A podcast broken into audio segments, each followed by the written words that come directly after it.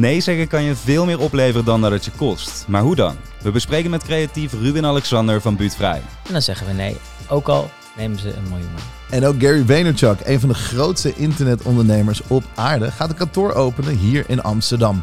En Sume gaat ons precies vertellen hoe dat te werk gaat. Hij is altijd een visionair geweest als het aankomt op content creëren. We gaan het ook hebben over het eerste restaurant in de ruimte. Leg je uit hoe dat je in één handomdraai je pitch kunt verbeteren. En iemand van de Special Forces komt ons alles leren over mindset. Mijn naam is Sander Teermans. Mijn naam is Ron Simpson. En welkom bij Skybox, de inspiratiepodcast voor young professionals. Here we go. En rond deze podcast gaat natuurlijk compleet over inspiratie. Yep. En ik weet ook dat je altijd op zoek bent naar inspiratie. Dat inspiratie altijd ook jouw kant op wordt gestuurd. Je hebt een soort leger aan mensen die die shit voor jou cureren. Ja. En jij vervolgens weer voor ons. Wat zijn de drie dingen die jou zijn opgevallen de laatste tijd... waar je met enthousiast en geïnspireerd van raakte? Zo. Uh, ik heb echt een heleboel dingen gezien de laatste tijd. Maar Vertel ik denk ons. dat niks zo impactvol is geweest toch wel als uh, GPT-chat. Ze noemen het ook wel de Google-killer. Hè? Het is een Ja. AI-tool waar je vragen aan kunt stellen en dan krijg je antwoorden terug. Um, maar je kunt het ook opdrachten geven. En dan krijg je dus producten terug of diensten terug of copy terug. Dus he- mensen schrijven hun hele websites ermee. Mensen schrijven hun social posts ermee. Ja. Mensen schrijven hun vacatureomschrijvingen ermee. Maar ook meteen welke vragen moet ik stellen als iemand komt solliciteren. Noem het maar op. Dus je ziet allerlei toepassingen. En dat vind ik toch wel echt een van de vetste dingen. Gewoon, uh, om Want het bespaart gewoon ontzettend veel tijd. En uiteindelijk zelfs ook mensen dan. Het is niet echt gemaakt om slimme mensen te vervangen, maar eerder om domme taken te Ja. vervangen en om tijd te winnen. Dus al ben je zo goed, al ben je de beste copywriter on earth, kan dat ding gewoon de basis voor jou schrijven en dan voeg je je saus daarna wel toe. Dus dit is sowieso iets voor de luisteraar om te checken van... joh, dit gaat sowieso jouw leven of werk beïnvloeden in de toekomst. Ja, manier? AI gaat sowieso nergens heen. Het, Ja. het gaat alleen maar steeds meer in ons leven komen. En ik denk dat het implementeerbaar wordt in elke baan, in elk bedrijf, eh, in je privéleven, in alles wat je maar tof wil. Je kan het ding zelfs vragen, hoe, moet, hoe ziet de ideale vakantie in Helsinki eruit? En Ja. dan komt gewoon een lijst. Dus dat is best wel tof. En ja, het is machine learning, dus over twee weken is het slimmer en over twee weken daarna is het weer tien keer slimmer. Dus Precies. is echt, eh, Chat. GPT. ChatGPT What's van next? OpenAI. Ja, heel vet. En ook was ik eh, ja, best wel verrast. Wij deden ehm, iets wat heel cool was. Dat was eh, Future Talks. Dat vond ik in ieder geval heel erg leuk om te doen. En daar hadden we wat mensen uitgenodigd. We hadden Don Diablo, die ging inspirerende verhalen vertellen. En Tim van de Wiel ging inspirerende verhalen vertellen. Maar daar was ineens Merel van Helsdingen. En Ja? ik vond haar al cool. Ik vind haar nu nog cooler. En zij is directrice en founder van eh, Next Museum. Dat zit in Amsterdam Noord en dat is een museum vol met eh, licht en kunst en technologie toepassingen. En vooral heel erg immersive. Dus je loopt door de kunst heen en je maakt het allemaal mee. Heel En- vooruitstrevend, toch? Heel vooruitstrevend. Ja. zeker. En die was net eh, in Miami geweest bij Art Basel. En die kwam terug en daar heb ik een keynote van gezien. En nou, dat, dat was gewoon onvoorstelbaar. Die kwam met zoveel tips. Ik heb echt duizend van die dingen opgeschreven. Het was Ja. echt, welke boeken moet ik lezen? Welke kunstenaren moet ik volgen? En dan ook de verhalen ervan. Dus het ging deels over NFT's, dat digitale kunstding. Maar het ging ook over letterlijke cyborgs. Dus mensen die technologie in hun lichaam hebben geplaatst. Dus Ja. platen in hun hoofd om ehm, bepaalde soundwaves te kunnen horen. En om daar dan weer kunst van te maken. Maar ook plekken zoals eh Outernet, dat vond ik heel tof. Dat zit in Londen. Dat is een plek wat eigenlijk een soort van evenementencentrum slash restaurant slash bar is. En alles is een scherm. Ze projecteren op alles. Eh, 360 gewoon. vloer, ja, plafond, echt het ja. plafond. En, maar ook de buitenkant. Alles wat je niet ziet. Het is echt niet normaal. ja. En zij kwamen echt met honderd tips tegelijk. Dus als ik, als ik echt één ding kon opnoemen... Ik heb daar gewoon als een klein kind naar zitten kijken. Ja. Zo. Maar misschien is het Gelukkig maar check Merel van Helsingen dan. de Check tip. Merel van Ja. Helsdingen sowieso. En check Next Museum ook. Want het is eigenlijk hetzelfde impact als toen ik daar voor de eerste keer rondliep. En ze zijn altijd wel bezig met nieuwe dingen. Maar als je haar ooit ergens kan zien spreken... dan eh, zou ik dat eh, zeker doen. En wij gaan zelf ook iets weggeven. Zeker. Oh ja, ja, ja. Want als we dan toch al eenmaal bezig zijn. Precies. Ehm, bij Skybox hebben we natuurlijk hele vette evenementen. En we hebben een membership. En we hebben content en van alles en nog wat. En zo'n membership, dat is meer dan duizend piek waard. En toen dachten we, ja, waarom niet? Waarom? Waarom doen we daar geen raffle voor? Voor de young professionals. Je kunt je dus inschrijven. En dan is er een raffle. Dat betekent eigenlijk een uitlotingssysteem. Dat gaat volledig automatisch.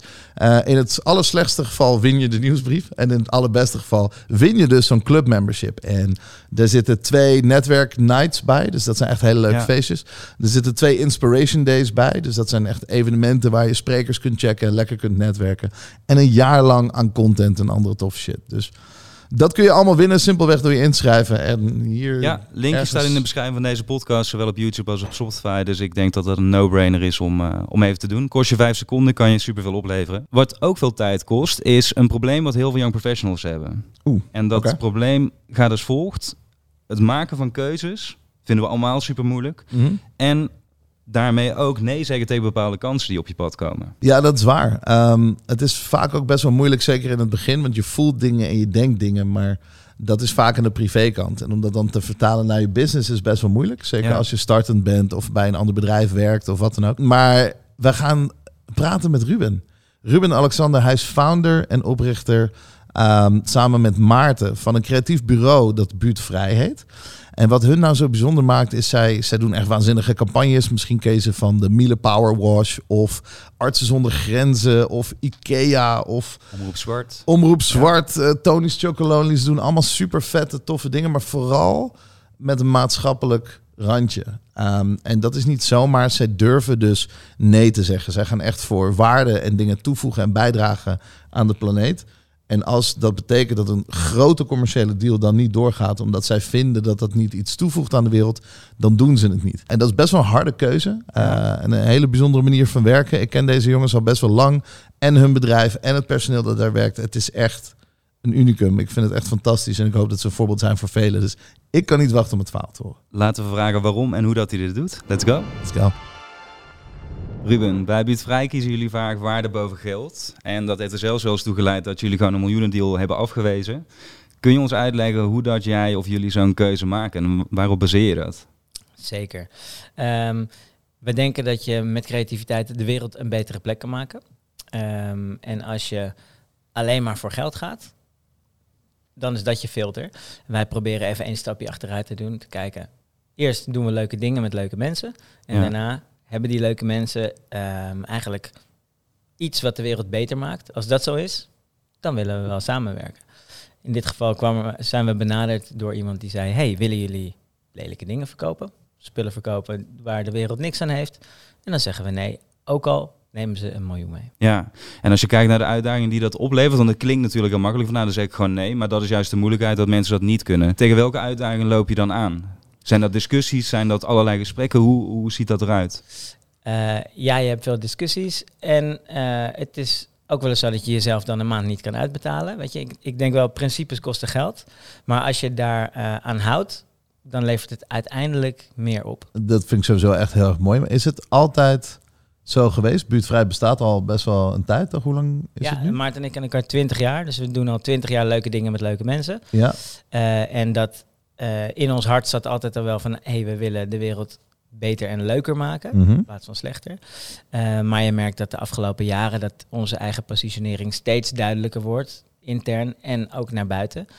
Dus dat is ook iets waar je in mag groeien, zeg maar. Want toen het begon als, als jong bureau, was het toen ook al zo? Of was het toen van, ja, nu moeten we gewoon klussen doen om to survive, überhaupt? Zeker, en dat blijft ook altijd zo. Dus ik wil, weet je, het klinkt natuurlijk heel mooi als een reclamepraatje van, hey, we zijn daar super zwart-wit in. Dat proberen we ook te doen, maar Mhm. uiteindelijk, weet je, heb ik ook een team van 15 man en die willen ook een boterhammetje met pindakaas eh, kunnen smeren elke dag zonder palma. Precies. En, maar dat is dus iets ook waar je naartoe mag groeien. Dat vind ik wel heel erg belangrijk om ook even te delen. Want ik vind Ja. dit soort positioneringen en keuzes vind ik prachtig. Ik vind het echt heel mooi. Maar dan heb je ook nog de realiteit soms. Dus je moet jezelf eigenlijk eerst naar een positie werken... waarin je dan comfortabel genoeg bent, denk ik... om te zeggen, oké, en nu kunnen we dit doen. Nu kunnen we de klappen vangen van het nee zeggen. Mm, Ehm, of- of niet zie je dat helemaal, anders? Nee, eigenlijk, ik denk dat het belangrijk is om ergens echt voor te staan. Mhm. Eh, en ik denk dat het, dat het een proces is, maar net als met een baby, weet je, kan zeggen, ah, ik ben er nog niet aan toe, ik ben er nog niet aan toe. Op een gegeven moment moet je gewoon in het diepe springen en dan zie je dat het allemaal wel meevalt. En hetzelfde geldt voor positionering van je eigen bedrijf. Ehm, ik denk dat het goed is om een harde keuze te maken, ook als je het nog niet helemaal aan kan. Mhm. Want wat je wel merkt, mijn oma zei altijd, wie goed doet, goed ontmoet. Dat ook hier, als je eenmaal duidelijk bent in wat je wel doet en wat je niet doet, je ook meer bedrijven en merken aantrekt die, eh, die juist wel hebben wat jij wil. Ja, je hele omgeving verandert eigenlijk Absoluut. mee. Die filter, dat, die wordt duidelijk niet alleen voor jou, maar eigenlijk voor alles en iedereen om je heen. Ja. Dus de klanten, maar neem aan ook je team en je werknemers. En eigenlijk alles en iedereen gaat veel dichterbij staan waar jij voor staat. Zeker weten. En dat is wel, want je zei, heb je dan discussies intern? Ja, we hebben een, een jong team. eh, en eigenlijk iedereen die bij ons werkt is intrinsiek gemotiveerd om de wereld een betere plek te maken. Ja. Dus ja, als ik dan aankom en zeg als voorbeeld, hey, de Nederlandse loterij die wil dat we krasloten gaan verkopen. Ja, eh, dat is een soort, dat is een spaak in mijn eigen voorwiel. Dus dat is niet wat we doen. Maar jij zegt dus eigenlijk, want de stelling is van nee zeggen tegen bepaalde dingen of tegen bepaalde kansen kost je niet per definitie iets, maar kan je ook heel veel opleveren. Ja. Van korte termijn kost het misschien soms iets, maar lange termijn levert je zoveel op dat het het dubbel en dwars waard is. Dat heb je super mooi gezegd. Ik wou dat nog een keer herhalen, maar dat hoeft eigenlijk niet. Ja, we, we, Kom we je hebben bij nu... mij eh, werken? kan zeker, kunnen we het na de opname over hebben. Hey, en inmiddels ehm, is het zo dat het eigenlijk vanuit jullie keuzes, Maarten en jij hebben daar een visie op en dat is een keuze en dat kan dan gedeeld worden door het hele bedrijf. Maar inmiddels ook met de nieuwe generatie, die zijn veel meer bezig met dit soort dingen. Eh, volgen zij jullie of volgen jullie inmiddels ook echt eh, hen?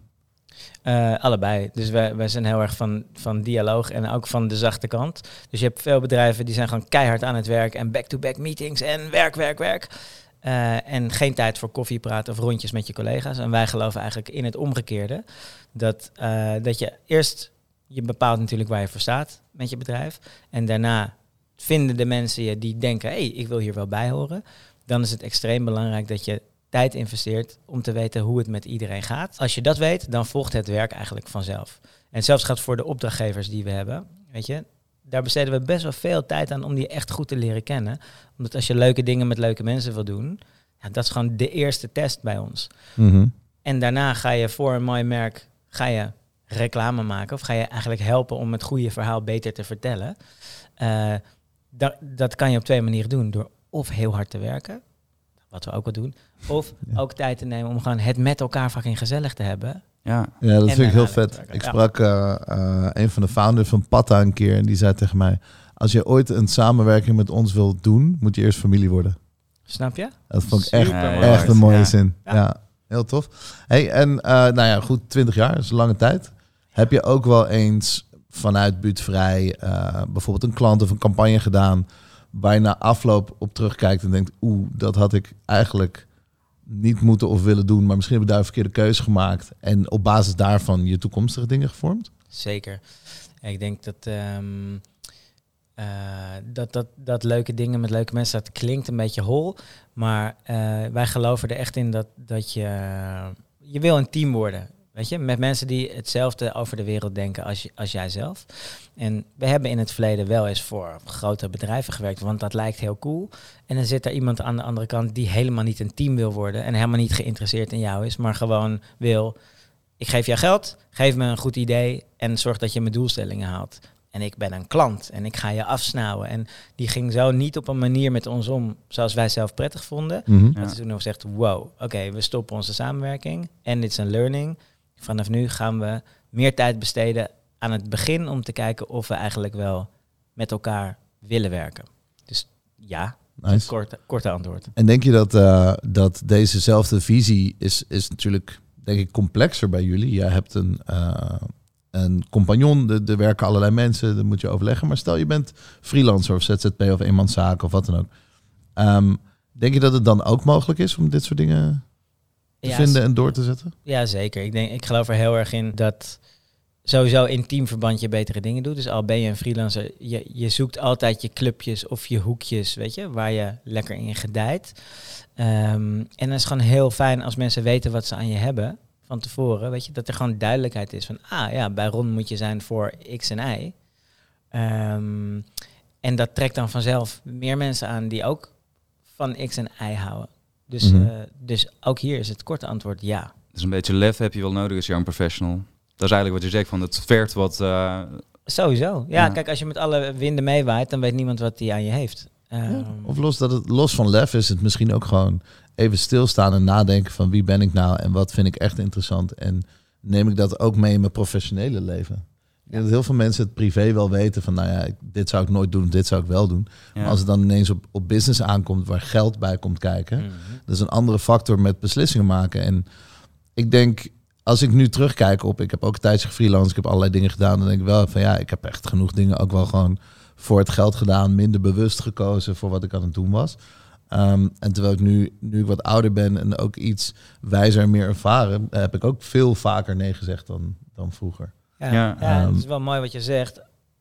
Als je klaar bent. Ja, zeker. Ja. Eh, dat, ehm, ik geloof dat heel veel mensen niet gelukkig zijn op hun werk of in hun werk. En heel veel mensen die zijn eigenlijk privé iemand anders dan op hun werk. Dus ik noem dat altijd, die zetten een maskertje op als ze op hun werk zijn. Mhm. Eh, ik geloof erin, dat, eh, en Maarten ook, en iedereen bij Buurtvrij, dat als je echt jezelf kan zijn, dat je dan ook lekkerder werkt. Dus we proberen ook een klimaat te creëren waarin iedereen aan kan doen wat hij aan wil, muziek op kan zetten die die op wil zetten. Nou ja, gewoon helemaal zijn eigen eh, identiteit kan zijn bij Buurtvrij, dat het daar veilig is. Mhm. En dan gaan we daarna wel lekker werken. Maar En dat die identiteit eigenlijk ook nog eens aansluit bij de identiteit van het bedrijf eigenlijk, zodat je een synergie creëert. Absoluut. Toch? En dus ook met de mensen met wie we werken, weet je. Dan komt er iemand in een pak bij ons. En dat mag als hij zich daar comfortabel in voelt. Op een gegeven moment, eh, nadat je een aantal weken samenwerkt, merk je van... eh, oh, hij heeft niet meer zijn pak aan. Ja, hij ja, heeft nu opeens een polootje aan. En eh, op een gegeven moment komt hij in korte broek één dag in de week bij ons op kantoor zitten. Omdat dat is wat hij eigenlijk prettig vindt. Maar bij zijn werk, daar wordt van hem verwacht dat hij ja, ja, ja. Ja dat is nu een vriend voor het leven geworden. Dus dat, ik denk dat het belangrijk is dat je je eigen klimaat creëert. Ja, ik vind dat een heel mooi voorbeeld. Dus eigenlijk begint het bij, bij de mensen, bij jezelf. Van hey, wie ben je, wie, wie wil je zijn? En dat door kunnen voeren in eigenlijk alles wat je doet. Daarna omringen door meer mensen die dat ook hebben. Dat trek je eigenlijk vanzelfsprekend aan zodra je gaat communiceren over de waarheid, zeg maar. En dan vervolgens een visie vinden waar je in gelooft. Dan een bedrijf. En als dat bedrijf ook nog eens die visie uitvoert, dan ben je eigenlijk elke dag jezelf en je beste leven aan het leven en werken. Ja, en dan is het feest. En weet je, we hebben vroeger veel voor Tony Chocoloni gewerkt. En Henk Jan, die toen daar de, de, de baas was, die zei... Hey, het is gewoon godverdomme elke dag een feestje om met jullie te werken. En toen dacht ik, hey, fuck, dat klinkt heel plat. Maar dat is natuurlijk wel waar het om gaat. Ja. Want Mhm. life's too short to work with assholes. En eh, Ja, en hindsight is voor assholes. Ik heb nog steeds... dat vind ik zo leuk. Jullie sturen quotes en oorkondes en onderscheidingen op naar mensen met wie jullie werken en, en toffe dingen doen. Daar hou ik echt van. is dat, ja, maar dat zou ik, weet je, uiteindelijk is iedereen een mens. Dus no matter wat voor rol je hebt of wat voor moeilijke titel er op je visitekaartje staat. Eh, en ik denk dat voor ons werkt het heel goed om dus altijd eerst even tot de kern van de mens door te dringen. En de rest eh, volgt. Ja, Cool. Nou, allerlaatste vraag denk ik. Wat zijn nou de vijf dingen... Stel ik zou stage lopen bij eh, jou en bij Buurtvrij. Wat zijn de vijf lessen die ik aan, de eind, aan het einde van de dag mee zou nemen? Van jou en eh, de omgeving waar ik dan in beland. Vijf? Vijf. vijf. Ehm, nou, ik denk sowieso altijd eerlijk zijn. Mhm. Altijd jezelf zijn. Eh, durf kritisch te zijn. Dus stel vragen. Wij stellen zelf altijd de nou-en-vraag. Weet je, waarom is wat we gaan doen belangrijk voor meer dan de aandeelhouders, bij wijze van spreken? Waarom is het ook belangrijk voor de mensen om je heen? Vier, vergeet niet een beetje lol te maken.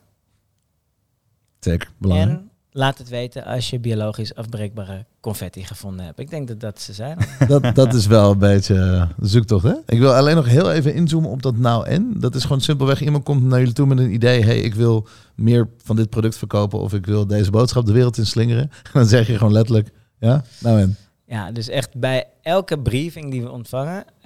we- kijk, sorry, één stap terug. Je merkt dat eh, veel marketeers die zitten heel erg in hun eigen wereld. Dus heel erg inside-out te denken. Mhm.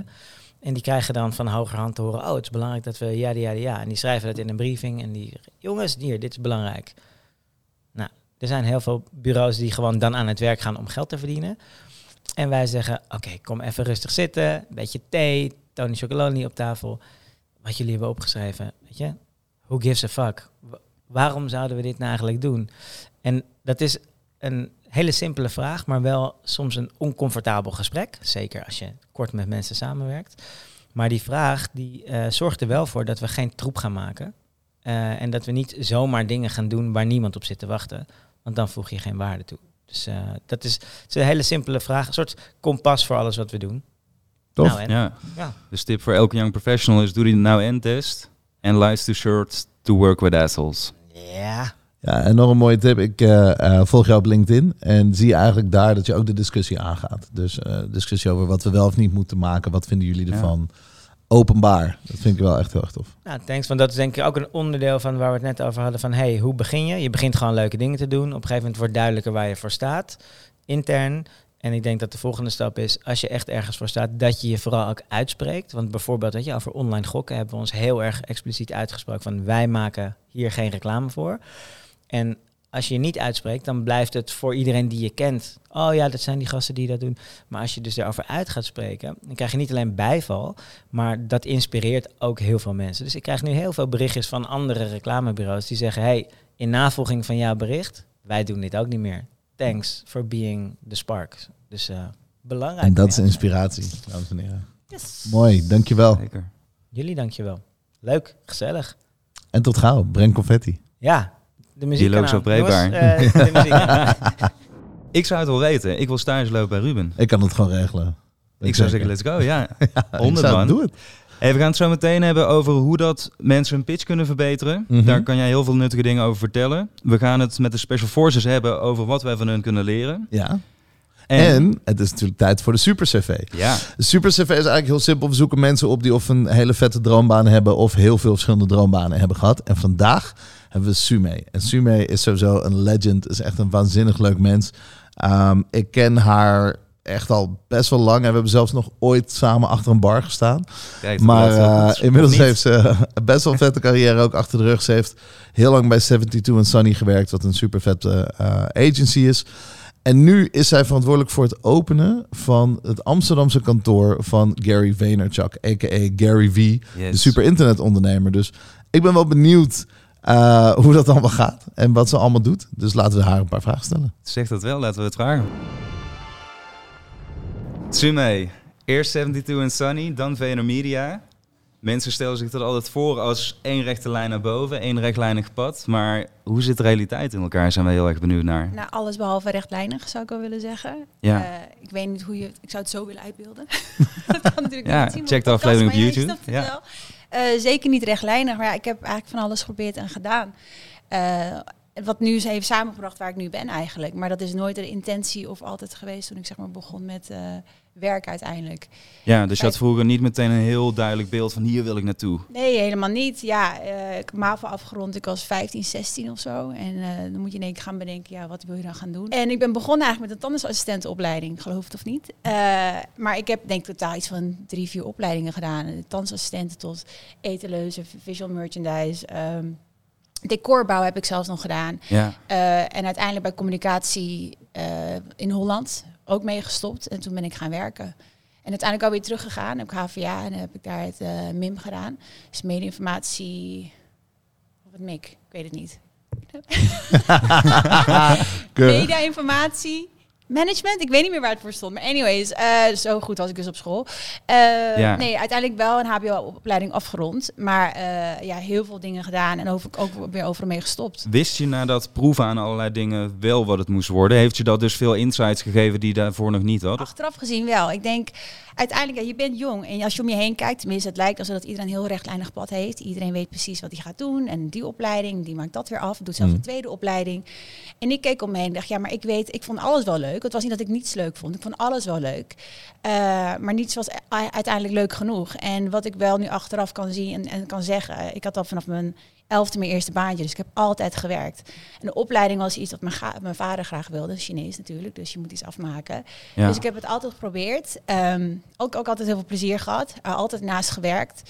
En uiteindelijk voor mij eh, kan ik achteraf zeggen dat al die dingen die ik heb gedaan, dat dat wel mijn skillset heeft eh, ontwikkeld tot, tot wat ze nu zijn. En de eerste stap richting het werkende leven. Ehm, uiteindelijk kom je dan, was dat meteen 72 en Sunny? Of, of zat daar nog iets tussen? Er zat heel veel tussen. Ja, Ja, wat ik al zei, ik had mijn eerste baantje op mijn elfde als afwas in een Chinees restaurant. Waarschijnlijk mega illegaal.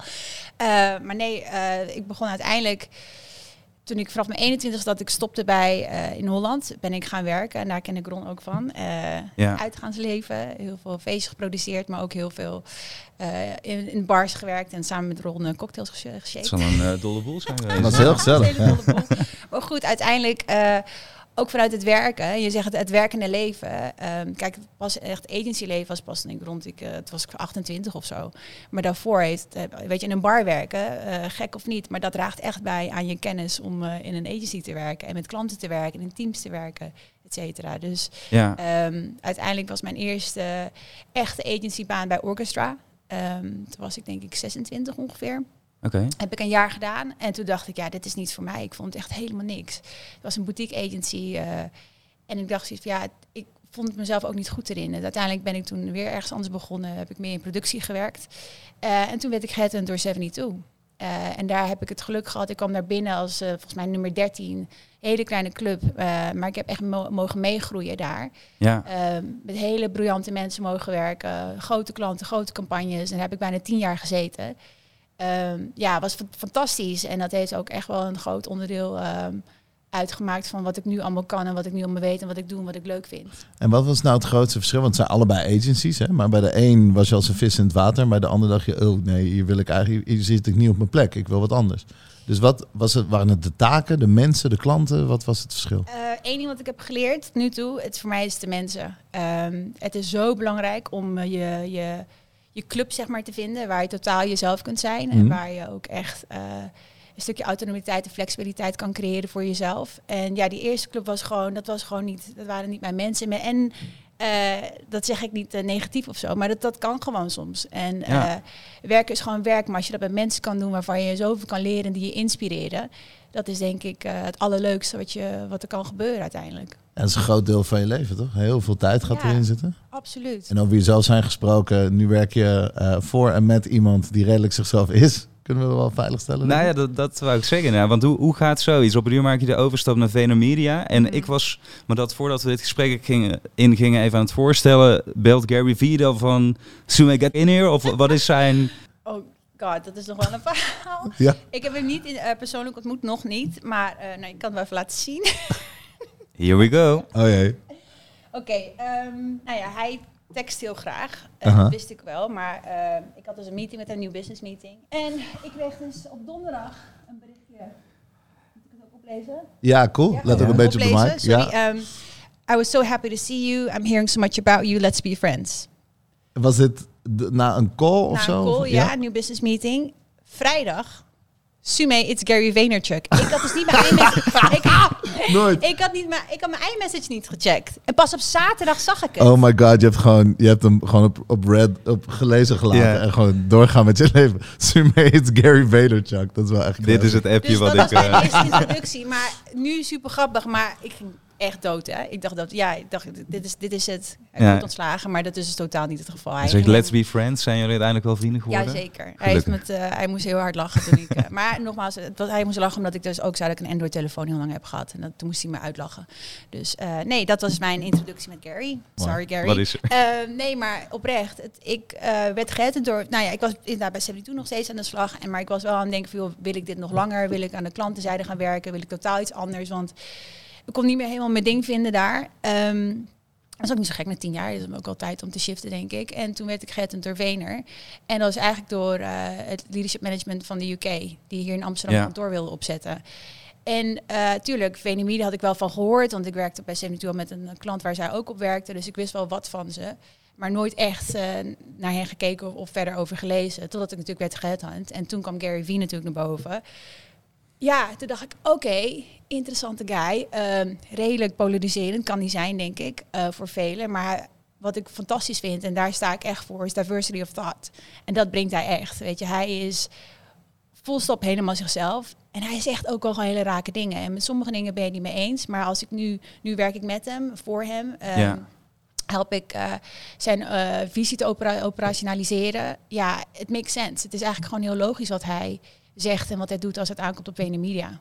Ja. En misschien even voor de paar mensen die het nog niet weten, maar het valt me toch soms op inderdaad dat mensen hem niet kennen of nog nooit voorbij hebben zien komen. Maar hoe staat hij bekend in Amerika slash wereldwijd en wat maakt hem zo bijzonder? hij staat op de forefront of things. Dus voordat YouTube even, eh, zelfs een ding was, was hij al bezig met YouTube-achtige dingen. Dus hij is altijd een, een, een visionair geweest als het aankomt eh, op content creëren. En eh, hij noemt zichzelf volgens mij ook een serial entrepreneurialist of zo. Dat, hij doet echt, hij zet allerlei verschillende dingen op, ver- verkoopt ook weer heel veel.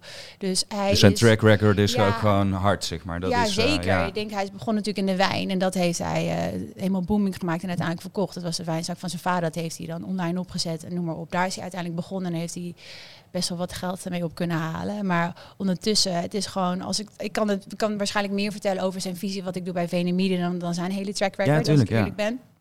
Maar wat hij gewoon met VN heeft gedaan, in de jaren 60, 70 is ooit bepaald om creative en media eh, gescheiden te houden. Ehm, en wat hij heeft het weer samengebracht. Dus wat, dat, wat het ons geeft is een totale voorsprong. Want we zijn mega geïntegreerd. zeg je dat? In, in- integrated. Kan Geïntegreerd. geïntegreerd, jongens. Ja. dat is het woord. Ehm, en wat hij gewoon daar neerzet is gewoon fantastisch. Want uiteindelijk zijn visie is, dat wij, wij doen echt de dingen anders. En als ik dat heel duidelijk kan zeggen, als je kijkt naar andere agencies, dat is heel erg nog steeds top-down. Dus het is nog steeds eh, klantenbriefing, creative briefing, één one big idea en dat is zeg maar overal matching luggage tevoorschijn te halen. En wat wij doen is echt bottom-up. Dus wij zijn absoluut waar de, waar de aandacht naartoe gaat vanuit van de consument. Dus Ja. het is echt, echt consumer first. En wat wij ook doen als we het weer hebben over dat in- geïntegreerde gedeelte, is dat wij kunnen gewoon super snel handelen, omdat we hebben strategie, cre- creatie, media en analytics allemaal tezamen. En daarbovenop is het ook, wij weten gewoon, wij zijn het allerbeste als het aankomt op platforms en culture. En dat zeggen heel veel agencies, maar wij kunnen dat gewoon doen op schaal. Ja, Dus ja, het is gewoon super tof om met hem te werken. En, eh, je ziet gewoon wat hij doet. Hij is gewoon iemand die, eh, ja, hij stuurt me van het weekend een berichtje, need anything. ja, dat hij is gewoon echt, ook al heeft, weet je, hij runt nog zeven of acht andere bedrijven. En eh, je ziet gewoon dat hij maakt gewoon tijd voor iedereen binnen Vene Media. En dat is wel super hij tof. doet wat hij zegt. Ja, in plaats van dat het mooi iets is wat op de website staat. Ja. En, eh, en als je dan kijkt, want in jouw persoonlijke verhaal haal ik heel erg dat learn by doing eruit. Mhm. Terwijl young professionals nu heel vaak denken van ja, ik moet alle stages pakken, alle opleidingen, dat bundelen en dat maakt mij een heel goed persoon. Ja, Ehm, terwijl jij uiteindelijk ook vooral op andere plekken hebt geleerd wat Ja. je nu ook toepast. Ja, zeker. Ja, ik, zou, ik, ik geloof echt bij learn by doing. Dat is voor mij, tenminste nog, dat is mijn waarheid. Hè. Dat, kan voor, dat kan voor iedereen anders zijn. Maar dat heeft mij heel erg geholpen Ja. om te begrijpen waar liggen mijn interesses, waar ben ik goed in, waar ben ik niet goed, goed in. Dat is zo belangrijk om te weten. Waar krijg je geen energie van? Weet je, wat zijn mijn superpowers? En dat keer mijn eh, interesses. En waar krijg ik dan energie uit? Dat heb ik daarvan kunnen leren. En dat is zo belangrijk. Wat zijn jouw superpowers? Wat zijn mijn superpowers? Nou, ik denk dat ik. eh, ik ben. Een aantal dingen, sorry, dat ga ik ook wel zeggen. Ja, Ik go hoef je zorgen zeggen, ja. het werk wat ik doe is het gewoon heel erg belangrijk om eh, mensen mee te kunnen krijgen. En eh, het ding wat daarvoor belangrijk is, is begrijpen, oké, wat voor ehm, structuren en processen heb je daarvoor ook nodig? Want heel vaak is er een visie, maar hoe kun je die operationaliseren en hoe kun je de mensen daarin meekrijgen? En ik denk dat dat wel gewoon heel erg belangrijk is. Dat je dat in je hebt om dat te kunnen aan en boven te kunnen halen bij mensen, maar ook binnen organisatie. En dat zie ik nu ook. Ik ben nu het Amsterdamse kantoor aan het opzetten. En het is zo belangrijk dat ook al zijn we een klein clubje, al zijn we met drie, vier, we zijn nu al met twintig. Hoe kunnen we dat op zo'n danige manier groeien dat A, het bedrijf groeit en de mensen daarmee en vice versa. Dus je moet zowel een businesskant hebben en zowel ook die empathie kunnen ontwikkelen om ervoor zorgen dat je mensen kunt meekrijgen en kunt enthousiasmeren voor hetgene wat we aan het doen zijn. En tegelijkertijd dat business zo danig kunnen opzetten dat het wel sustainable blijft eh, qua groei. En ik denk dat ik gewoon heel erg analytisch gezien en empathisch gezien dat ik die twee dingen goed bij elkaar kan brengen. ja. Ehm, ja, en ik heb gewoon qua persoonlijkheid, ik heb gewoon, ehm, ik vind het mijn werk gewoon heel erg leuk. En ik denk op het moment als ik het leuk heb, en dat is niet eens mijn super, ja, misschien is dat mijn superpower, maar dat ik heb er gewoon zin in. En ik denk als je dat, met, als je dat uitstraalt, ja. dan ehm, betekent dat wel wat voor de mensen met wie je samenwerkt en ook voor de klanten met wie je werkt. Nou, veel mensen zien werk inderdaad wel een beetje, tenminste zoals mijn ervaring, als ik moet eerst even een stukje inleveren, een beetje leiden, maar aan het eind van een bepaalde rit krijg ik dan iets ervoor terug. Ja, En ik denk inderdaad dat die, die visie, of eh, hoe je het ook, die levenswijze, niet heel Ja. sustainable is, omdat dat je een keer gaat inhalen. Terwijl inderdaad als je Nou in ja. ieder geval... Laten we eerlijk wezen, ik denk dat er ook heel veel mensen werken omdat ze gewoon eh, huur moeten betalen of eh, gewoon willen leven, zeg maar. En Dat dan heb je andere mensen die werken echt omdat ze het werk hun leven is, toch? Dat ze daar alles uithalen, dat ze daar voldoening vinden of een bepaalde vorm van purpose. En ik denk dat als je dat hebt, dan komt die energie waar jij het over hebt. Als je echt zin hebt in je werk, 9 van 10 keer hoor je daar ook te zijn. Is dat de manier waarop je je tijd zou moeten doorbrengen? Want dan heb je iets gevonden wat geluk brengt en wat enthousiasme brengt en wat drive brengt. En die energie is aanstekelijk. Ja. Iemand die zo een kamer binnenkomt, verandert de kamer, verandert een team. En met die energie kun je doelen bereiken. En ik denk dat dat het interessante verschil ook is tussen een baantje hebben of een carrière. Is vaak van in een carrière zit je in, in de sport die je leuk vindt. En een baan heb je om geld te verdienen. Ja. Ehm, Maar mag ik daar iets aan toevoegen? zeker. Want ik denk wel dat ik die enthousiasme he- echt heb van mijn pa. En mijn pa is hier eh, in de jaren zeventig toegekomen vanuit Maleisië, Chinees Maleis. En hij heeft echt zijn hele leven keihard gewerkt in de Chinese keuken. Maar hij deed het met dezelfde energie die ik, breng nu naar, die ik nu breng naar kantoor. Ja. Dus ja, voor hem was het, wat verdiende die man? Weinig. En, eh, maar het was, het was genoeg voor wat we nodig hadden als gezin zijn. Maar om te zeggen, ja, hij had geen carrière, maar nog steeds had hij het in zich. En dan was het echt een klote baan. was zes dagen in de week, twaalf uur per dag. Nog steeds ehm, die glimlach en gewoon plezier te hebben met de mensen om zich heen. En dat is denk ik wel het ding. Dus ook al is het om je huur te betalen of om je carrière te maken of alles wat ertussenin zit. Voor mij is nog steeds het belangrijkste de mensen met wie je het doet. En plezier proberen te hebben. Ook al ben je, sta je in de keuken Chinees, in een Chinees restaurant of je zet een kantoor op eh, voor Venemida hier in Amsterdam. Interessant hoe dat, hoe dat zo werkt. Want dat is best wel veel van invloed op jou geweest. Eh, mijn vader bijvoorbeeld had het compleet tegenovergestelde. Mijn vader die deed een soort van 20, 25 jaar, misschien nog wel langer, voor hetzelfde bedrijf, dezelfde job. Vond dat verschrikkelijk saai. De mensen met wie hij werkte vond hij niet echt heel leuk. Eh, toen hij eindelijk klaar was met werken en met pensioen ging, was het echt een soort halleluja moment. Daar ben ik dan vanaf. Ehm, ik, ik heb die discipline niet. Ik zou nooit van mijn leven ergens 20 jaar Ja. aan kunnen geven waar, waar ik het niet leuk zou vinden of whatever. En toen ik hem daarna vroeg van, hey, hoe, hoe, waarom ten eerste, weet je wel? Er zijn andere opties. Zei hij van, ja, ik vind het compleet irrelevant. Ik ga echt naar mijn werk om dat te doen. En eh, voor mij begint het leven, dus kom dat, dat ik weer thuis kom. Eh, ik doe dat voor jullie en de kids en, en mijn vrouw en whatever. De- daar begint het leven en het andere moet ik gewoon doen. Dus ik vind het bijzonder hoe, hoe je een heel mooi effect kan hebben van je vader op kind. Hè? Van hey, ik zag dat, vond zelfs geluk in gewoon eh, eh, lekker koken of wat dan ook. Ehm, en bij mij was het denk ik misschien zelfs wel de drang van oké, wat er ook gebeurt, dat wil ik niet. Ja. En dat hoeft niet. Ik probeerde hem ook altijd te overtuigen. Ja. Volgens mij zijn er andere opties. Maar het was voor hem irrelevant. Hij haalde zoveel geluk uit het andere leven dat hij zoiets had van joh. En dat is ook mooi, weet je wel. Daarom zeg ik als, Ja. als, ik mijn, mijn, als ik mijn verhaal vertel, dat is mijn verhaal, weet je. Dat is voor iedereen anders. En daarom denk ik ook, weet je, mijn pa tegelijkertijd was ook zo van... ja, maar ik wil wel dat je je papiertje haalt. Eh, en dat heeft hij nooit zodanig gezegd, omdat ja, hij maakte zich niet echt zorgen om mij. Maar uiteindelijk was het wel eh, dat ik voor hem weer mijn, mijn, mijn HBO behaald uiteindelijk.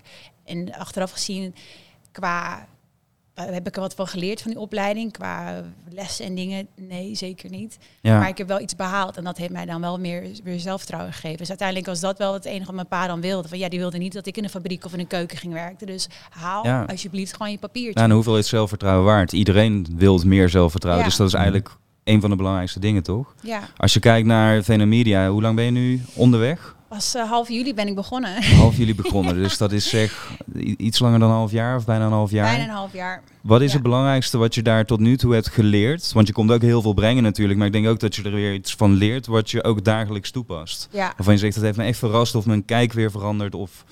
ja zeker. Eh, wat ik al zei, er is een hele duidelijke visie. Ehm, en wij zijn allemaal onderdeel om die visie te opera- operationaliseren. Ehm, en wat Gary wel zegt, en dat, dat leeft echt door, het hele, door de hele agency, dus dat wij we double down the Venue way. We sluiten geen compromissen uiteindelijk. Dus Ja, never Ja. compromise. ja, never compromise. En dat kan je op verschillende manieren interpreteren, maar het is heel duidelijk van hier staan we voor en dit is waar wij, waar wij in geloven. En dat doen we op een hele humble manier, hè? want we willen iedereen aan de hand meenemen, inspireren, educaten en noem maar op. Eh, maar uiteindelijk weten wij wel waar we goed in zijn en, en wij geloven heel erg in wat wij doen. En dat is wel anders waar ik, waar ik hiervoor heb gewerkt of andere agencies, is dat heel vaak uiteindelijk je begint in iets stof en dan gaat er zoveel tijd overheen en zoveel feedback en noem maar op. En uiteindelijk is er van hetgeen wat je wilde, wilde doen, is er niks meer over. En hier is gewoon heel duidelijk, dit is waar we voor, waar we voor staan, dit is hoe we het doen en dit, dit is waar wij in geloven en, en zo zouden we het moeten aanpakken. Ja, Ja, ja dus we, het is gewoon heel duidelijk, we, we verliezen liever een klant dan dat we dan dat wij verliezen wat wij, waar wij in geloven. En dat vind ik wel echt super tof. En dat geeft mij weer, als ah, omdat ik het kantoor in Amsterdam aan het opzetten ben, is voor mij weer heel, heel, duidelijk weer hoe ik mijn mensen kan trainen. En hoe ik weer mensen kan enthousias- enthousiasmeren daarvoor. En zelf ook met mijn klanten. En tegelijkertijd is het ook een beetje support wat je krijgt ook. Van ja, maar hier staan we voor. Dus als ik nee zeg, is dat ook gewoon helemaal goed. Ik hoef niet overal ja, op te zeggen. En dat geeft wel heel veel vrijheid. Ja, goed kompas om mee te werken, denk ik ook. En belangrijk, want er zijn heel veel agencies out there. En als iedereen uh, water bij de wijn doet, dan is uiteindelijk is het eenheidsworst. Dus vanuit je eigen kracht werken is denk ik een waanzinnig goede les. En ook tof dat dat dan helemaal vanuit Gary, die dan een zin zegt, helemaal doorcijpelt naar verschillende landen, verschillende kantoren. En dat je daar ook echt achter kunt staan. Ik denk dat dat heel tof is. Ja. Wat zijn nou een paar dingen die je heel erg duidelijk hebt geleerd mhm. ehm, door het werken bij agencies? Stel je bent een non-creatief, je werkt gewoon ergens anders. Wat, wat zou je kunnen leren van het werken in een agency? God, wat zou je kunnen leren van werken in een agency? Nou, ik denk wel dat je. Uh, wat ik gewoon wat ik tof vind aan een agency is dat geen enkele dag is hetzelfde. Dus je, we zeggen dat je weerbaarheid is wel wordt wel versterkt. Want je moet wel, je pivot heel veel. Dus er zijn heel veel veranderingen. Geen enkele dag is hetzelfde. Dus ik denk dat wat ik heb geleerd is wel heel snel schakelen uiteindelijk. En altijd uh, creatieve oplossingen te zoeken. En dat vind ik wel super tof. Uh, nee kan een antwoord zijn, maar wat dan?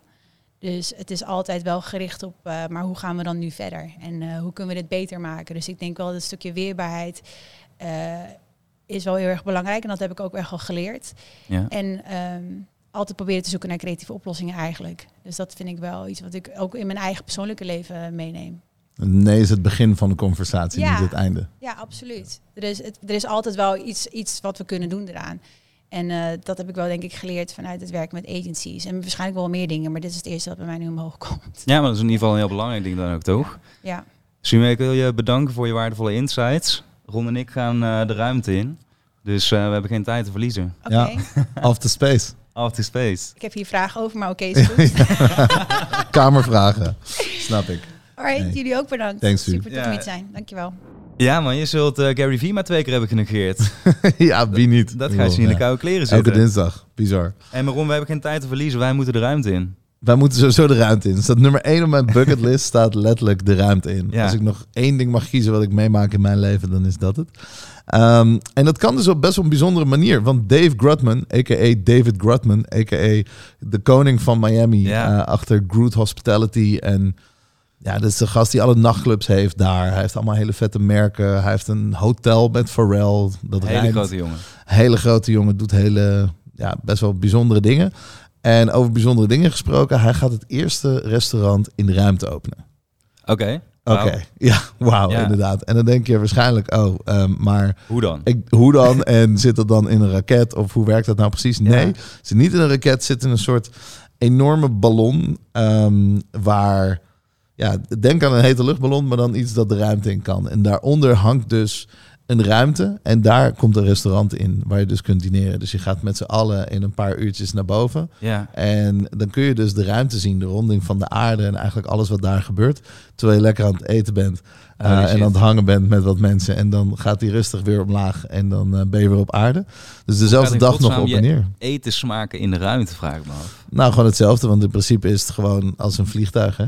Ze houden de druk goed en het eten is gewoon oké. Okay, omdat het maar, omdat het in één dag op en neer is, kun je verse producten gebruiken. Dus het valt eigenlijk allemaal wel mee. Het is ook niet dat je gewichtloos bent of wat dan ook. Maar je kunt wel eten in outer space.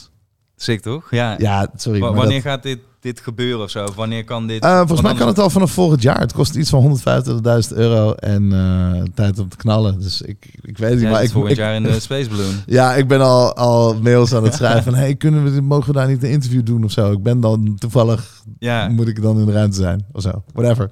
Er komt wel een manier. Ik denk dat het wel in ieder geval steeds haalbaarder wordt om het, uh, het onbekende te zien. Dat, dat sowieso, ja.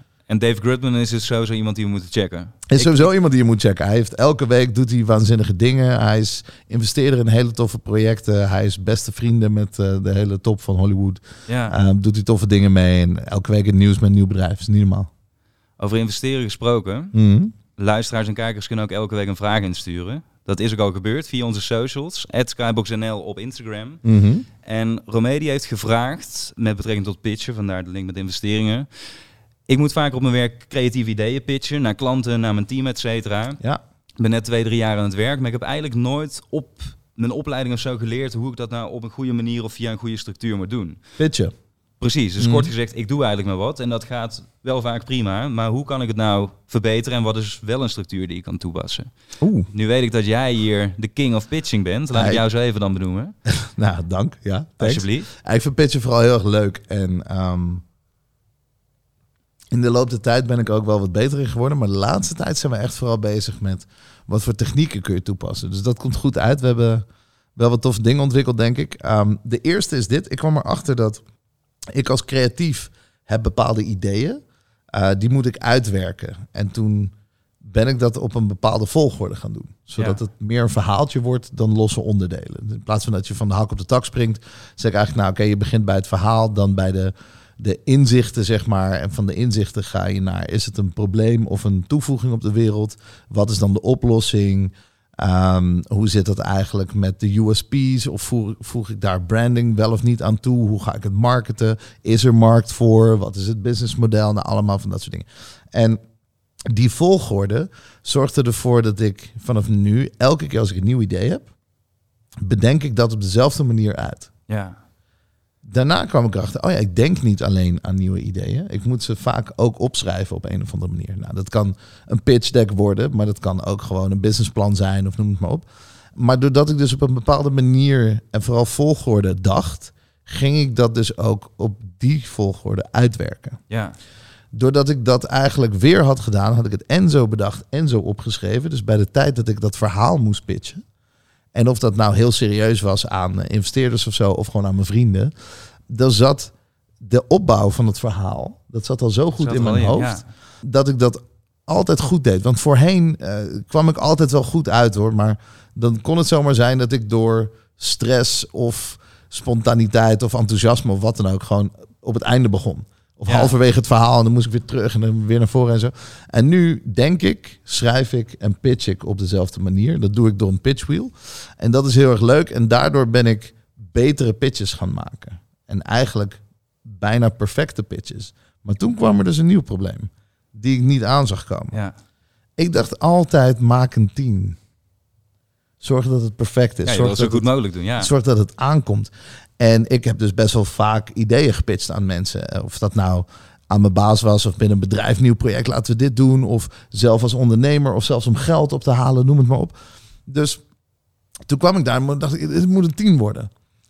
Maar heel vaak is degene aan wie je pitcht niet alleen. Ja, zeker. Die neemt zijn team mee. En waarom neemt die persoon zijn team mee? Wat doen die mensen daar? Die hebben ook een functie. En daar heb ik twee dingen geleerd. De eerste is dit. Uh, stel je bent een creatief, zoals ik. Dan is de kans heel groot dat je heel enthousiast wordt van het creatieve idee. Alleen, er is, er zijn echt maar heel weinig mensen op aarde, volgens mij onder de 10%, die dus creativiteit als skillset hebben. Ja, Um, dus dat betekent eigenlijk dat er 90% kans is dat je pitch terechtkomt bij iemand die niet naar de creatieve kant ervan kijkt. Die wil Ja. de business side weten of die wil executie weten. Of, dus die begrijpt eigenlijk gewoon niet wat je bedoelt. of ja, je of het nou finance is of inhoud, Ja. dat maakt allemaal niet uit. Die begrijpt misschien wel wat je zegt, maar wordt er helemaal niet enthousiast van zoals jij dat wordt. En voorheen ging dan pitchen en dan gooide ik mijn beste creatieve pitch. En dat begrepen ze dan niet, kreeg je nee of zo. En dan ging ik terug naar mijn kantoor en dan ging ik nog creatiever doen. Dacht nee, er moet nog meer toeters en bellen, nog mooiere slides ja. en zo, weet je wel. En ging dezelfde kamer in bij dezelfde mensen met nog meer creativiteit. Wat ervoor zorgde dat ze me nog minder verstonden. En later pas kwam ik er eigenlijk achter van, oh shit, ik snap het al. Als je creatief bent, is het alsof je Engels spreekt in Frankrijk. Holy shit. Dit is precies de spijker op zijn kop. Letterlijk. Gewoon een soort van, ze willen het eigenlijk niet eens horen. It doesn't really matter. Maar als je met vijf schamele Franse woordjes iets probeert te vragen in Frankrijk, dan zijn ze ineens wel aardig. Ja, En dat geldt ook in de pitchroom. Dus eigenlijk kwam ik erachter van, hé, hey, ik moet niet nog meer creativiteit laten zien. Ik moet eigenlijk alle andere talen leren spreken. Ik moet leren finance spreken. Ik moet leren operaties spreken. Ik moet leren, nou, noem het maar op. En al zijn het een paar schamele woorden, al weet ik maar een heel klein beetje, dan kom ik al veel verder. ja. Dus inmiddels als ik ga pitchen, dan ben ik sowieso al beter met... eh, ja, het creatief stuk zit helemaal op slot, maar het finance stuk is ook doordacht. ja. En de markt en de tractie en het businessmodel en de P&L en de vraag en de marketing en de, weet je wel, alles zit gewoon goed. Dus in En- die structuur eigenlijk die je als stap 1 benoemde, heb je Juist. ook nog eens alle talen eigenlijk omvat. Ja, dus niet alleen de vakken leren, maar het ook leren spreken. Hoe leg ik het uit Ja. in de taal van degene die het moet ontvangen? Want dan vertrouwen ze je eigenlijk per direct. Precies. Dus dat was stap twee. Dus nadat ik mezelf leerde hoe ik het moest doen, dacht ik, ah, oké, ik ga het nu ook nog eens in jullie, of eigenlijk in iedereen zijn taal, leren vertellen. En toen kwam ik erachter van, oké, dan ben je er bijna, je bent er bijna. Ja. Maar wat er nog ontbreekt, is de functie van die mensen, die andere mensen in de kamer. Dus jouw doel als je binnenkomt op de pitch is om iemand of een team of wat dan ook te overtuigen van jouw idee. Maar dan moet je afvragen, wat is hun doel? Het doel van de investeerder of degene die akkoord moet geven, is om een idee te vinden waar die ja op zegt. Daar Ja. dromen ze van. Ze zijn er om ja te zeggen. Ze willen het ook, dus, maar alleen als het goed is. Die mensen ernaast daarentegen, die zijn er om de valkuilen te vinden. Om de fouten te vinden. Als ze dat niet kunnen doen, voelen ze zich niet gevalideerd. En zitten ze daar eigenlijk voor niks. Ja. En dat zorgt voor hele rare... Dat gaan ze je gewoon niet leuk vinden. ja, ze gaan zelf andere gaten zoeken. Die Ja, ze roepen maar wat, weet je. ja, Want ze willen zichzelf valideren en terecht ook. Dus ehm, wat ik daar heel erg interessant aan vind... Ik maak dus een team van mijn pitch. Dan kijk ik wie er in de kamer zit. En stel dat er een financiële persoon en een marketingpersoon zit. Dan haal ik expres twee slides uit mijn pitch. Die stop ik in mijn broekzakken links en rechts. Ja. Omdat ik dan weet van oké, een goede marketeer pikt eruit dat ik ge- hier geen plan in heb zitten bijvoorbeeld. Ja. Of geen timeline of geen executieplan of wat dan ook. En een goede finance persoon gaat hier vragen naar waar is je PNL, of waar is je prognose of waar is je budget of wat dan ook. Die haal ik eruit. Daarmee geef ik hen de kans om zichzelf te valideren. Zij zijn gevraagd om die vraag te vinden. Dus dat doen ze. En vervolgens is dus de persoon aan de overkant blij, want die heeft zijn team meegenomen en die doen hun werk. Ja. Dat team is blij, want ze kunnen zichzelf valideren en ze doen hun werk. En dan komt die. Ik ben blij, want ik zie deze twee vragen al aankomen. Ja. Want ik weet, ik heb ze eruit gehaald. Ze ontbreken. Het is niet dat ik ze niet weet. ja. Ik heb ze eruit gehaald. Bewust eruit gehaald. ja. Bewust. Dus jij stelt die vraag en vervolgens kom ik met een voorbereid plan. En de finance man stelt die vraag. Alsjeblieft, hier hebben ze allebei. Links, finance man, finance vrouw, finance Ja. persoon, whatever, iedereen. En dat zorgt er niet voor dat je een... Je scoort sowieso al een 8, al pikken ze die twee fouten er niet uit. Ja. Pikken ze het er wel uit, dan scoor je dus een 9 en een 10. Maar eigenlijk, omdat je ook nog eens vragen goed kunt beantwoorden... Ja. en meer en beter voorbereid was dan je laat zien, scoor je een 11. En dus is 8 plus 2 11. Dat is mijn theorie. Sick. Strikje eromheen. En ja, ik heb eh, zelden of ooit zo'n vraag goed beantwoord zien worden. En jij doet het op een manier die precies in een masterclass kan. Ik doe mijn best. Ja. Dat is het enige wat ik kan doen. Wat ook in een masterclass kan, of wellicht dat gaan we ontdekken, is wat we kunnen leren van de Special Forces. Special Zeker. Forces is een beroepsgroep of een groep mensen die eigenlijk altijd in de schaduw opereren. Mhm. Die zijn getraind voor hele extreme omstandigheden. Maar ik zeg het net al, we zien eigenlijk nooit iets van ze, want dat is precies wat ze Dat is hun werk. doen. Ja. Maar we kunnen wel veel van ze leren en dat gaan we nu doen. ja, ik ben heel benieuwd. Ik heb echt duizend vragen. Let's go. Sander, wij zijn heel erg benieuwd. Wat kunnen young professionals leren van de training die jij en de andere special forces hebben ondergaan, die ze kunnen toepassen in hun eigen situaties, bijvoorbeeld op het werk, maar ook privé? Er zijn absoluut parallellen, ondanks dat het natuurlijk eh, onze trainingen wel vaak wat eh, extremer zijn. Maar in grote lijnen gaat het eigenlijk dat je eh, de weerstand die, jij voelt, dat je die gaat, die gaat opzoeken. En als je bijvoorbeeld echt een special force opleiding ingaat, ja, dan ga je natuurlijk alleen maar in extreme mate voorbij bepaalde angsten en voorbij bepaalde weerstanden.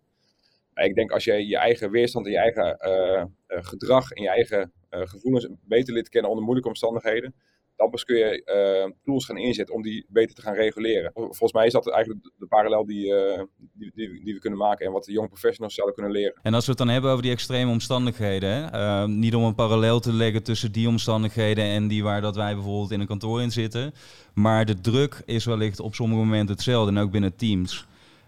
Je zei net van nou, het gaat om bepaalde weerstanden doorbreken, omgaan met bepaalde angsten. We zitten natuurlijk allemaal steeds meer in ons hoofd. Wat zijn technieken die jullie toepassen waar wij iets van kunnen meenemen om in ons eigen leven door te voeren? Sowieso ons hele planning en voorbereidingsproces, dat is eigenlijk al een onderdeel om daarmee, om te gaan. Dus als jij gewoon bepaalde, eh, ja, wij, wij noemen dat risico's, dat doen we geen angst, maar bepaalde risico's van een operatie, die gaan we daadwerkelijk in kaart brengen. Oké, wat zijn daadwerkelijk de risico's? Bijvoorbeeld je loopt in een vuurgevecht of je parachute gaat niet open of de onderzeeboot die, eh, die, heeft, die heeft problemen. Dus die risico's gaan wij in kaart brengen. Plus wij gaan alle procedures om daarop te handelen, die gaan wij ook gelijk trainen en in kaart brengen. Dus do, daarmee verminder je al de angst eigenlijk, omdat je het gewoon heel concreet maakt. Je gaat ze, je gaat ze concretiseren. Plus ga je je acties daarop al op uh, voorbereiden en op visualiseren bijvoorbeeld. en daarnaast, wat vooral bij ons belangrijk is, waardoor wij samen bepaalde angsten kunnen overwinnen, is omdat onze teams gewoon extreem hecht zijn. Dus je staat daarin nooit alleen. Je weet dat je buddy je, je, je, rug dekt. Dus dat is al een heel fijn gevoel natuurlijk als je door bepaalde moeilijke fases heen gaat. Plus, wij, wij zijn absoluut uh, getraind geconditioneerd om ja, voor, voor, voorbij die angst te gaan eigenlijk. Dus wij herkennen de angst bij onszelf, of de emotie, of uh, hetgene wat er lichamelijk gebeurt. Maar wij hebben inmiddels ook zeg maar, uh, ja, de, tools en ervaring, dat je weet dat je daar voorbij kunt komen. Zeg maar. Wat ik ook altijd heel erg interessant vind, is... Um, ik heb het idee dat special forces en, en commando's, et cetera, zich altijd voorbereiden op wat als het niet gaat zoals het bedacht is. Wat als het misgaat eigenlijk, dan is er altijd nagedacht over een plan B en een plan C. En daarna heb je nog een skillset D om sowieso jezelf uit die situatie te redden. En ja. Ik spreek dan voor mezelf en het team is heel vaak op kantoorniveau of op werkniveau. Dan gaan mensen er veel meer vanuit dat het gewoon gaat werken. En eigenlijk, als ja, het dan ja. niet lukt, dan staan ze er naar te kijken. Moet er dan pas een oplossing gemaakt worden? Ik vind dat wel een interessant verschil. En zeker iets wat we zouden kunnen leren van, uh, van voorbereiding vanuit jullie kant. Risicodekking hoorde ik. Dus echt uitrekenen van hey, wat kan er allemaal misgaan? En wat doen we als het misgaat? Ja. Um, dat is wel iets wat ik heel erg. Uh, dat is wel een belangrijke vind, stap, denk ik. Toch van niet alleen wat als het misgaat, want dat is vaak ook angst natuurlijk, toch? Van als je alleen maar daarin ja. zit, dan maar het is misschien alleen nog maar paniekiger. Maar vooral inderdaad, wat doen we als het misgaat, wat rust biedt van oké, okay, we zijn overal op voorbereid. Absoluut. En dat is, kijk, wij gaan altijd uit dat we de missie halen natuurlijk. Dat, dat is gewoon ons, ons vertrekpunt. En uh, ja, wij voeren zogenaamde no-fail missies uit. Dus uh, de enige optie is, is, is dat die slaagt. Alleen als je dan in, er zijn een aantal criteria, kritieke punten binnen zo'n operatie. En wij hebben bijvoorbeeld gewoon standaard, uh, dat noemen we een PACE-formule. Dus als wij bijvoorbeeld uh, ergens tegenaan lopen, bijvoorbeeld een, uh, met een antiterreuractie, iets, iets loopt anders dan gepland, dan hebben we eigenlijk vier stappen die wij doorlopen. en dat, daar gebruiken we de PACE-formule voor. En PACE staat voor Primary, Alternate, Contingency en Emergency. En dat zijn eigenlijk vier stappen die wij doorlopen. Dus als de eerste optie niet lukt, dan gaan we naar de tweede optie. En zo hebben we, hebben we uiteindelijk vier opties waar we op terug kunnen vallen als iets anders gaat dan, dan gepland. Kun je daar nog iets langzamer doorheen gaan, even samen? Dus wat was Zeker, de eerste? Ja, primary. Primary, oké. Okay. En wat bedoel je daarmee? Nou, bijvoorbeeld uh, tijdens, uh, tijdens een infiltratie in veilig gebied um, hebben we geen communicatie met, met, onze basis. Dan vallen we terug op onze primary procedure als, als we geen communicatie hebben. En dat kan bijvoorbeeld zijn een andere frequentie. Nou, als dat ook nog niet lukt, dan gaan we naar de tweede, dus de alternate. Dat zou kunnen nog een alternatieve frequentie of bijvoorbeeld een andere radio. Nou, als dat ook niet lukt, gaan we door naar de contingency. Uh, dat zou kunnen zijn naar een, uh, naar een specifieke locatie waarvan wij weten, oké, daar hebben we altijd communicatie gehad. En als dat, dat nog niet lukt, dan gaan we naar de laatste, dus emergency. En dat is echt ons noodplan voor als al die andere stappen niet lukken in, in het geval van de communicatie. Dus als ik dat vrij mag vertalen, dan is het eigenlijk stap 1 is gewoon protocol. Hè? Doe wat we hebben geleerd en we proberen dat. Als dat niet lukt, dan proberen we een alternatief. Dus dat is eigenlijk ook al voorbereid weten we, er is een alternatief, dus dat gaan we proberen. Als dat niet lukt, gaan we terug naar iets wat al eerder zichzelf heeft bewezen. En als dat niet lukt, dan ga je dus in een soort emergency mode waarbij je nieuwe dingen gaat verzinnen, spontaniteit toelaat en misschien zelfs wel regels breekt of wat dan ook, voorbereiding breekt om alsnog je missie te behalen. Klopt dat ongeveer? Ja, precies. Ja, ja. Interessante manier om naar te kijken. Ik ben namelijk heel erg van het, persoonlijk ben ik heel erg van het spontane. En um, ik denk dat daar waar een special forces persoon heel erg getraind is, leun ik heel veel uh, juist op ervaring en gewoon de, het vertrouwen in, nou ja, ik creëer wel wat. Hè? Ik verzin altijd wel wat. Nou is het bij mij gelukkig nooit leven of dood, maar paas of roos of zo. dat is, oké. Okay. Um, maar ik vind dat wel een interessante insteek om eens, eens te gaan kijken van wat nou als je op die manier dingen voorbereidt. Um, dan kun je inderdaad ook angsten weghalen bij, bij junior mensen die minder ervaring hebben en dus niet 100% vertrouwen op, oh ik los het wel op als het ja. ooit misgaat. En het mooie is als je dat soort dingen wat, wat strakker wegzet in je, in je planning, dat, dat geeft uiteindelijk meer creativiteit en meer vertrouwen om, om zeg maar onder bepaalde omstandigheden ook gewoon ja, die creativiteit uh, uh, aan te wakkeren. Dus ze zeggen wel eens, uh, no plan survives enemy contact. Nou, dat is ook echt zo. Dus, maar alleen als je die plannen wel hebt en die fundamenten wel hebt, ja, dan weet je voor jezelf, oké, als het dan gebeurt, dan heb ik ook voor mezelf meer ruimte, zeg maar, om, daar, uh, om daarop in te springen. En dan leun je inderdaad op die, op die ervaring. Ja, je zei net no-fail missies, zoals je dat dan noemen. Hè? Wanneer we gaan kijken naar de doelstelling en de hoger gelegen missie daarboven. Dat is een structuur die denk ik elk ondernemer en young professional begrijpt en ook vaak meemaakt. Van we hebben kortere termijn doelstellingen, maar we hebben ook een bredere visie waar we met z'n allen naartoe gaan. Wat is volgens jou de verhouding tussen die twee? En dus ook when shit hits the fan, eigenlijk waar we het net ook over hebben in stressvolle situaties.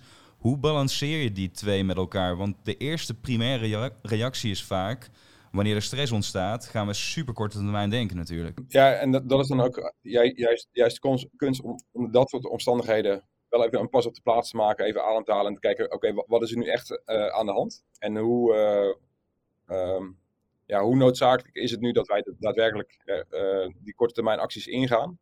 Of moeten we even een pas op de plaats maken en een nieuw plan maken die wel in lijn is met, met, met, met, met bijvoorbeeld een lange termijn visie? Dus dat is best een, een dun, dun scheidslijntje natuurlijk. Alleen ja, vanuit onze context, de directe ervaring is altijd de, de waarheid op dat moment natuurlijk. En ze zeggen wel eens, the guy on the ground is always right. Dus iemand, een, een commandant van veraf, die kan een bepaalde visie hebben. Alleen die gast die daadwerkelijk uh, bijvoorbeeld in een vuurgevecht zit, die, die heeft op dat moment natuurlijk even lak aan die visie, maar die, die moet gewoon zien dat hij op dat moment overleeft en uh, de, operatie komt, komt uit te voeren. Dat is natuurlijk ongeveer per definitie tegenstrijdig met bevelen uitvoeren en direct iets van leiding overnemen. Dus aan de ene kant zeg je, de persoon person on the ground, die weet eigenlijk het beste, want die, die heeft het beste overzicht van de situatie en kan het als het goed is inschatten. En tegelijkertijd is er daarboven een, een visie of een missie. En daarboven nog de big picture, het grote doel waarom mensen dingen doen. Hoe krijg je um, die twijfel uit een persoon? Of laten we dat juist in, in een persoon? Ik kan me voorstellen dat bijvoorbeeld vanuit een creatieve uh, point of view of vanuit een teamleiderschap in, in werk, dan zeg ik wel eens iets wat iemand anders niet begrijpt of nog niet kan zien of zo. Um, en dan ontstaat er een natuurlijke discussie. Automatisch is het ja, maar wat, wat van dit? Of ik begrijp dat niet, moeten we het niet zo doen, moeten we niet dit doen? Um, nou is er ook niet echt urgentie zoals bij een vuurgevecht. Alleen ik kan me voorstellen dat bij jullie, als zo'n twijfel ontstaat, je geeft een bevel, iemand moet dat opvolgen, um, maar die twijfelt. Hoe los je dat op binnen zo'n team? Dat hele proces begint ook aan de, aan de voorkant. Dus, dus als, als ik bijvoorbeeld als, teamleider een, een, een opdracht krijg van, van, mijn, van mijn leidinggevende of even van, mijn commandant, dan begint alles met zo kritisch mogelijk naar die, uh, naar die opdracht kijken. Dus ik moet echt die, die hele opdracht van, van A tot Z gaan analyseren en, en toppen nemen en begrijpen. En ook, ook de lagen daarboven, zeg maar. Om zelfstandig die, die opdracht uit te kunnen voeren. En dat is ook het stukje vertrouwen wat, wat de commandant in mij heeft en wat ik in hem heb. Dus ik weet dat hij op zijn niveau dat, dat erboven ook heeft gedaan. En dan is echt gewoon een, ja, niet klakloos die, die, die, die, eh, die opdracht aannemen, maar echt gewoon met mijn eigen team volledig gaan analyseren. Dat we echt zelfstandig op pad kunnen gaan. Want je moet je voorstellen, als wij op pad gaan, dan is er 9 van 10 keer niet altijd communicatie mogelijk. Dus als, als wij bijvoorbeeld gaan duiken, ja, die, kan, die kan de commandant niet even bellen van, joh, wat is er aan de hand of heb je de missie begrepen? Dus dat is echt 100% vertrouwen eigenlijk. En daarom moet ik ook volledig die missie gaan analyseren en begrijpen, zodat, ja, zodat ik gewoon zelfstandig op, op pad kan gaan. En, en dan is die twijfel eigenlijk is ook, is ook weg. Want die, die heb ik van tevoren in het hele planningsproces heb ik, heb ik, uh, heb ik weggenomen eigenlijk. Oké, maar ze zeggen bijvoorbeeld tegen een bokser... als je niet denkt dat je de wedstrijd gaat winnen... moet je ook niet de ring instappen, toch? Dus als je twijfels hebt over wat dan ook... moet je eigenlijk niet de ring instappen. Um, jullie bewegen vaak in teams, hè? En als je het idee hebt dat iemand nog wel eens zou kunnen twijfelen of wat dan ook, is het dan beter om hem mee te nemen? Of moet je dan eigenlijk doortrainen tot het punt dat er een soort blind vertrouwen is? Ik heb bijvoorbeeld een situatie meegemaakt in, Somalië. Toen, het, toen varen we met onze boot in, eh, in een hele laag. En dat was eigenlijk een, een, een, een, eh, een, een dag vol met allerlei verschillende acties. En toen heb ik eigenlijk tussen iedere actie door bij mijn team ingecheckt. Oké jongens, dit, is, dit zijn de vervolgstappen. Zijn we hier happy mee? Nou, sommige gasten die waren niet happy met hun positie op dat moment. En die heb ik eigenlijk verwisseld van, van rol binnen, binnen het team. Dus daar heb ik eigenlijk altijd naar geluisterd. Om, ja, je kunt mensen wel natuurlijk een bepaalde kant op dringen, maar als ze daar zelf niet happy mee zijn, dan, zullen ze die taak niet goed uit kunnen voeren. Met als gevolg dat de missie niet slaagt, zeg maar.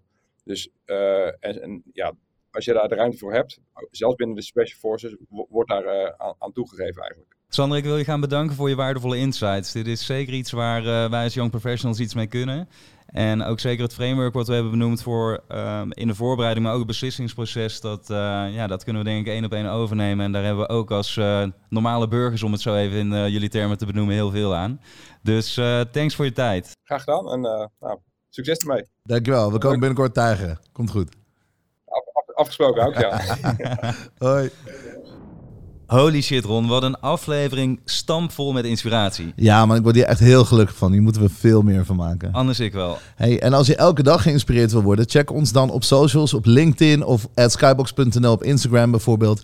Uh, en als je meer wil weten over evenementen en de memberships die we doen, check dan skybox.nl. Schrijf je sowieso in voor de nieuwsbrief, dan mis je helemaal niks. Tot de volgende keer. Tot de volgende keer. Later.